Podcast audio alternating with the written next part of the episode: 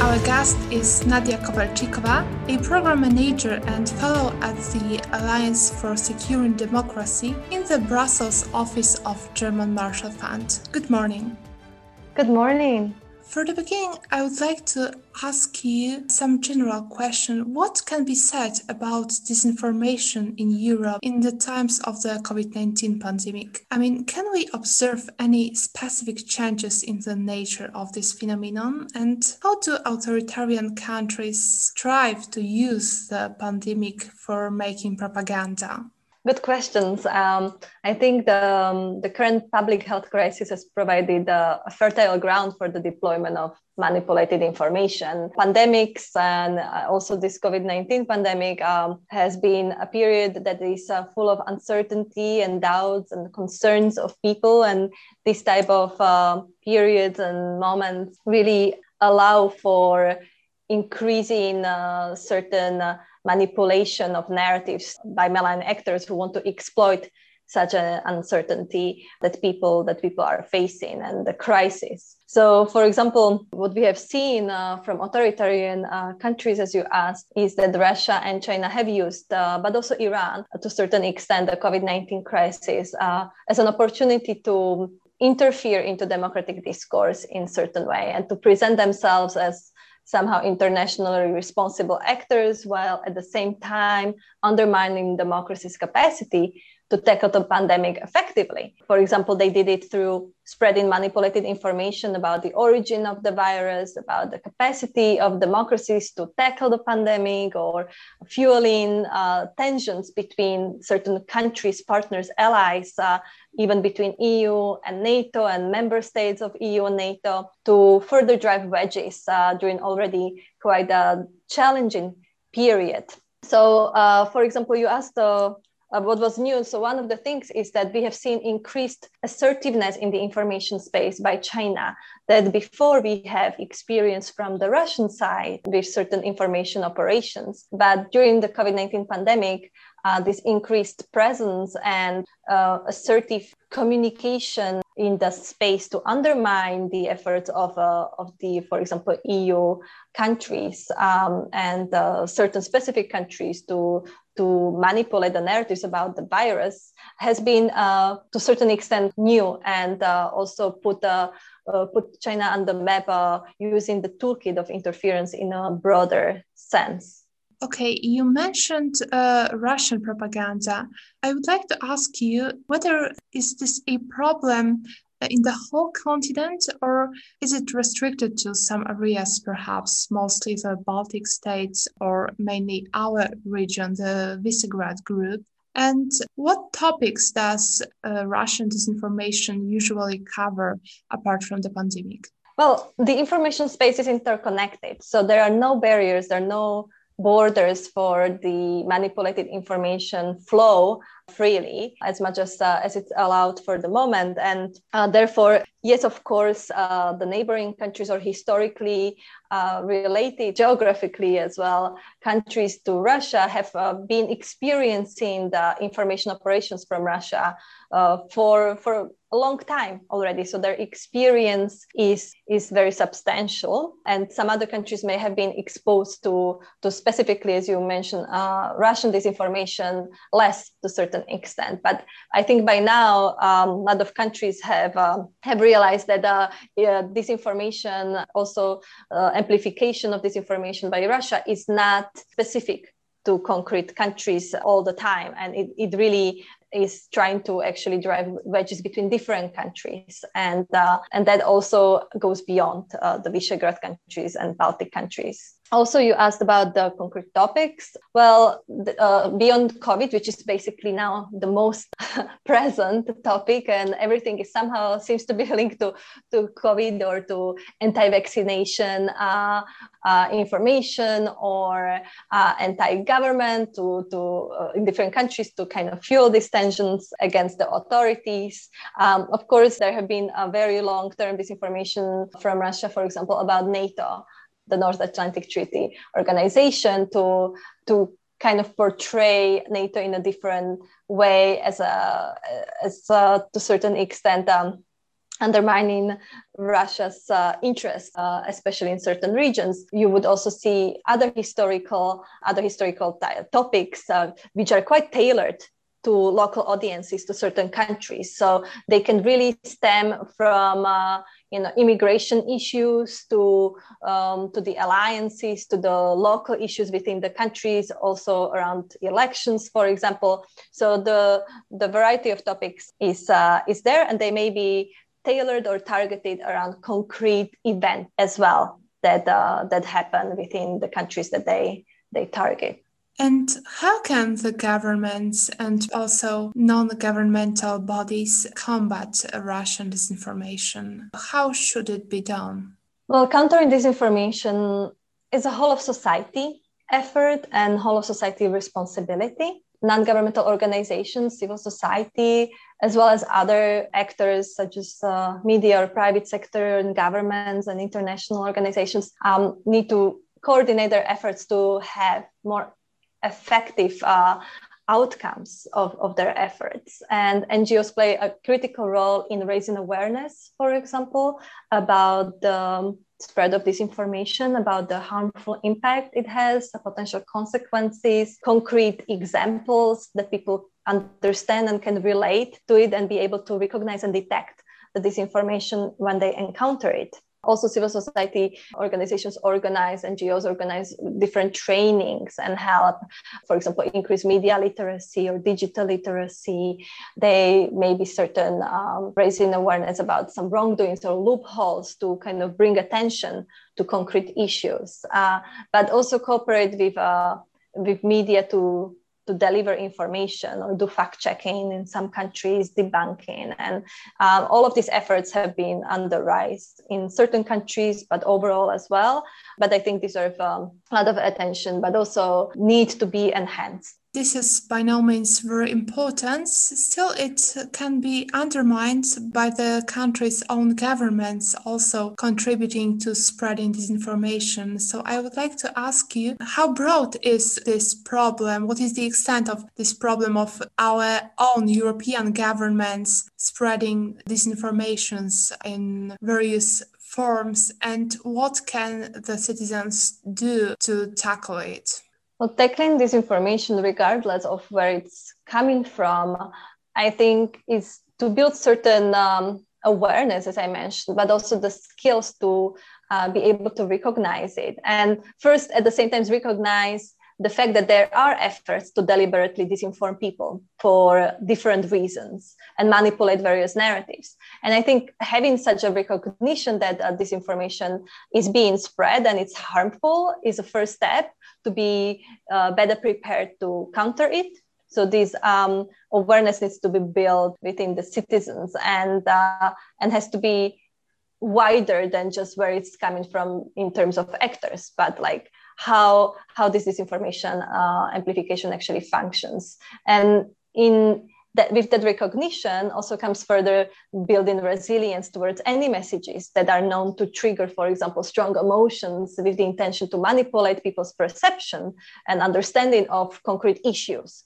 So if the citizens of the people come across an information that is uh, clearly trying to trigger such strong emotions, they should be more cautious about that and critically assess the information and build a resilience over time, also verifying the sources, trying to find credible information that is also shared from verifiable and variety of sources uh, and does not come only from one source. Um, that is also important to, to keep in mind that uh, uh, if uh, if you hear everything different everywhere else and there is just this one uh, stream or this one source uh, claiming something regardless of who it is it's important to be cautious and check and verify.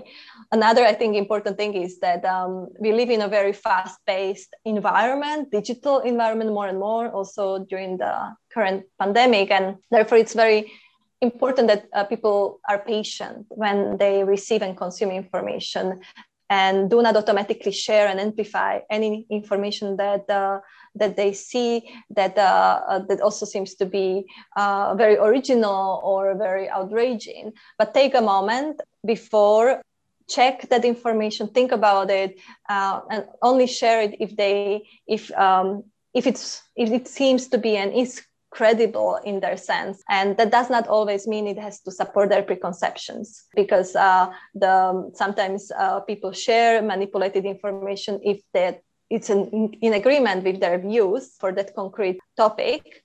So it's important to try to distance a little bit and look for for uh, different uh, views on that uh, issue and uh, and pause before sharing now I would like to return to the governments and uh, their actions. How to build an effective counter disinformation system? What should it be based on and what tools do we need to to make it really effective um, and do you see any mistakes that are being done uh, in that field currently well i think that as far as we preserve uh, democratic principles of freedom of speech and freedom of expression, we will continue to see disinformation in the information space. But uh, what we can do more effectively, especially when it comes to, for example, different responsibilities and roles, such as, for example, from social media companies, um, there needs to be, I think, uh, stronger push for revised engagement models or algorithms used in this social media information uh, space, uh, which could help decrease the amplification of manipulated narratives and thus decrease the reach and harmful impact that they currently have.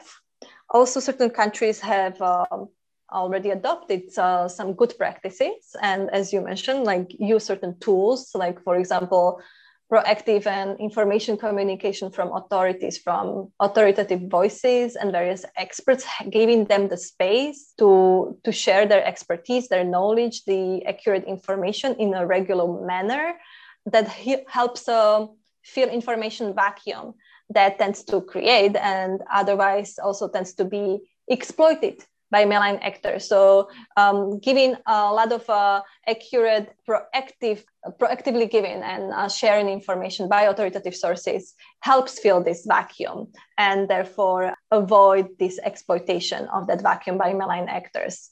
Also, maybe another good practice that um, I have seen is that they're engaging different officials in cross-ministerial or cross-government task forces, uh, such as uh, in Finland or in Netherlands, but also in other countries. That's a good step forward to counter disinformation as uh, uh, combating it really requires a more holistic approach across various government bodies and sectors of the society.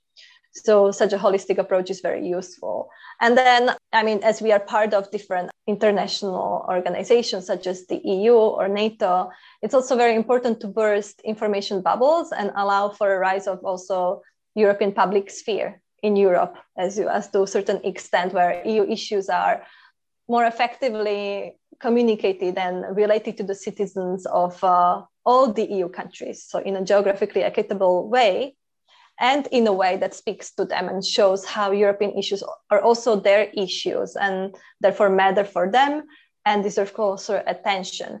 And then it will be more difficult to drive wedges also between the countries or between the member states and EU, for example or other organizations. So this is one of the tools that I think can be can be used and explored further and mitigate certain missteps or mistakes that have been done if, if this is not uh, if this is not present enough.